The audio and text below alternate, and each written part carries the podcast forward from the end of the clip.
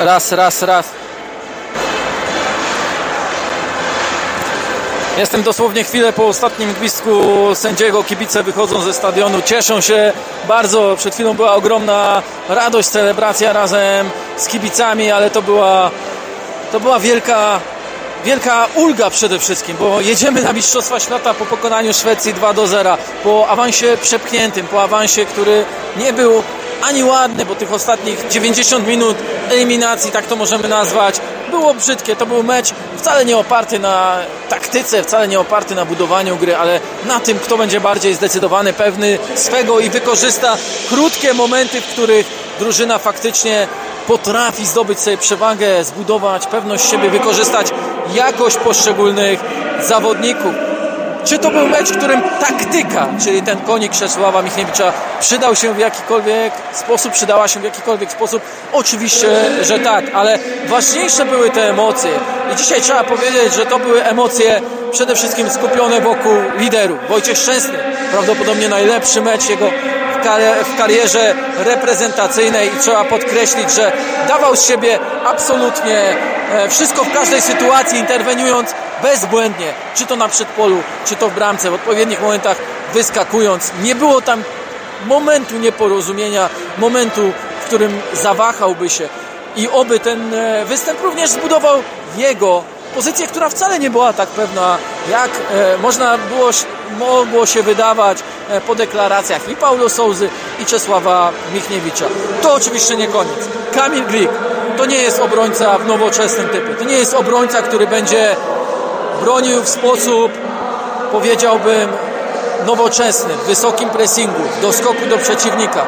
On dzisiaj grał na zakładkę, ale on dzisiaj od pierwszej minuty grał z wyraźną kontuzją, z problemami przy każdym kopnięciu piłki, z grymasem bólu, kulejąc, nie biegając, nie przechodząc sprint, ale robiąc ślizgi, rzucając się na linię piłki, na linię strzału, przechwytując podania, wybijając piłkę głową w kluczowych momentach, trzymając przeciwnika dalej od naszej bramki, o ten jeden metr, o ten 1%, 10% szansy bramkowej. To był wielki, naprawdę wielki występ Kamila Grika. Od pierwszej minuty grzał się przy linii bocznej Michał Helik, tak jakby był przygotowywany na każdy moment, w którym Kamil Glik powie sobie nie, dość, ja nie dam rady, ja nie mam sił, ja nie mam już tego zdrowia, ale miał i dał z siebie absolutnie wszystko.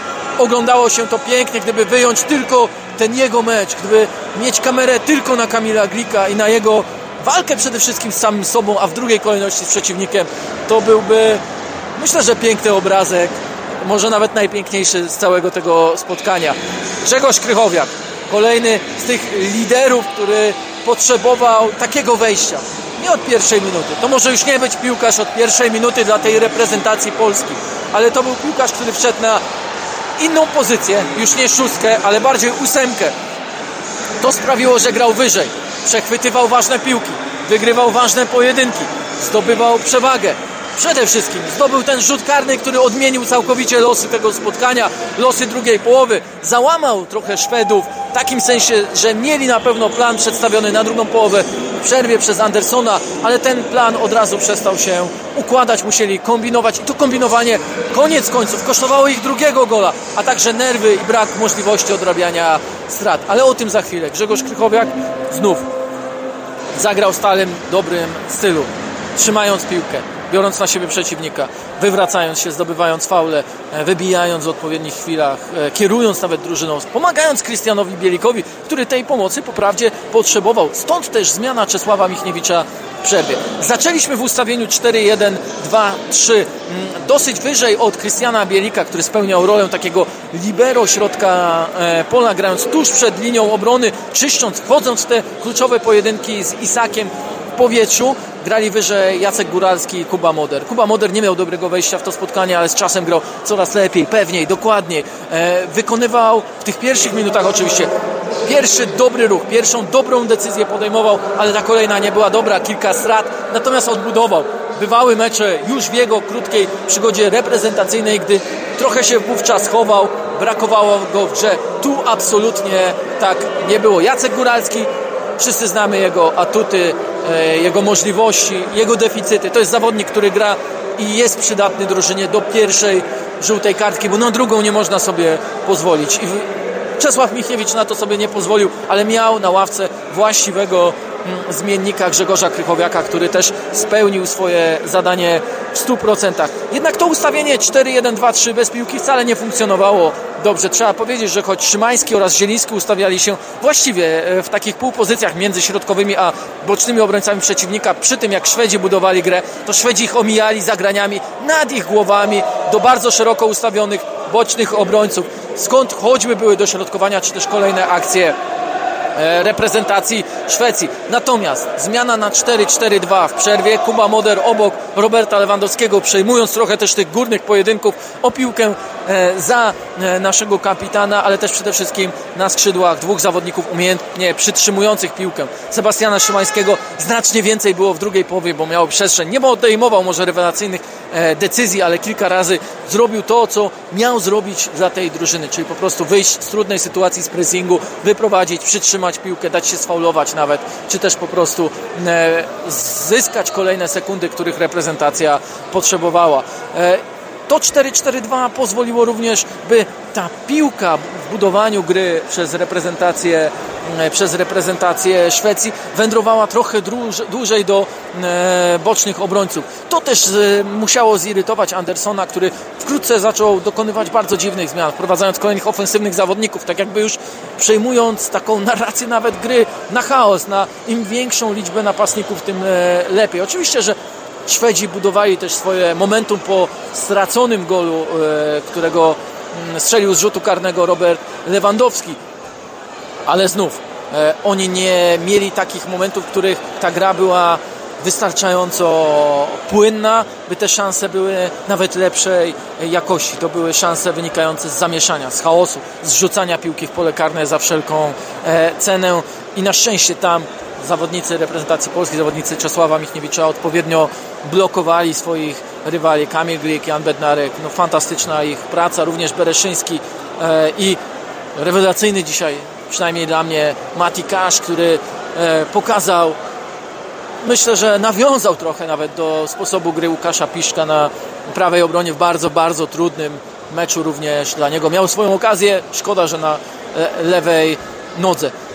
Gol Piotra Zielińskiego przyszedł w idealnym momencie. Przyszedł w momencie, w którym e, Polacy musieli odwrócić to takie negatywne, e, negatywne powiedziałbym, okresy gry, gdy przewagę zdobywali Szwedzi. To pewność Szwedów, że zdobędą zaraz wyrównującego gola rosła. Stąd błąd popełniony przy długim wybiciu Szczęsnego na Modera oraz Zielińskiego, wykorzystany przez tego drugiego w sposób fantastyczny, bo to nie było łatwe wykończenie z pierwszej piłki, a Olsen dzisiaj był kapitalnie dysponowany w bramce e, Szwedów to też pokazało, że ta reprezentacja, tak jak po Euro 2020, ma w sobie gen reakcji. Wówczas też reagowała, ale jeszcze nie miała efektów. Może ta wajcha była przechylona za bardzo w stronę ataku, za bardzo w stronę ofensywy. To już nie jest oczywiście nasze zmartwienie. Co istotne, po strzelonym golu na 2-0 drużyna poszła za Robertem Lewandowskim. Robertem Lewandowskim, który wyskakiwał do pressingu, który blokował rozegranie, który raz po raz biegał między stoperami, prowadzając chaos i zamieszanie w ich grę, przez co my odzyskiwaliśmy piłkę, przez co my mieliśmy kolejne szanse, przez co po golu na 2 do 0 Szwedzi praktycznie stworzyli sobie jedną okazję, nie potrafiąc długimi momentami nawet przenieść piłki przy e, wprowadzeniu choćby Zlatana Ibrahimowicza na boisku. Polska nie musiała grać w tym meczu, jak widać przynajmniej, długo w piłkę. Mogła mieć tylko momenty.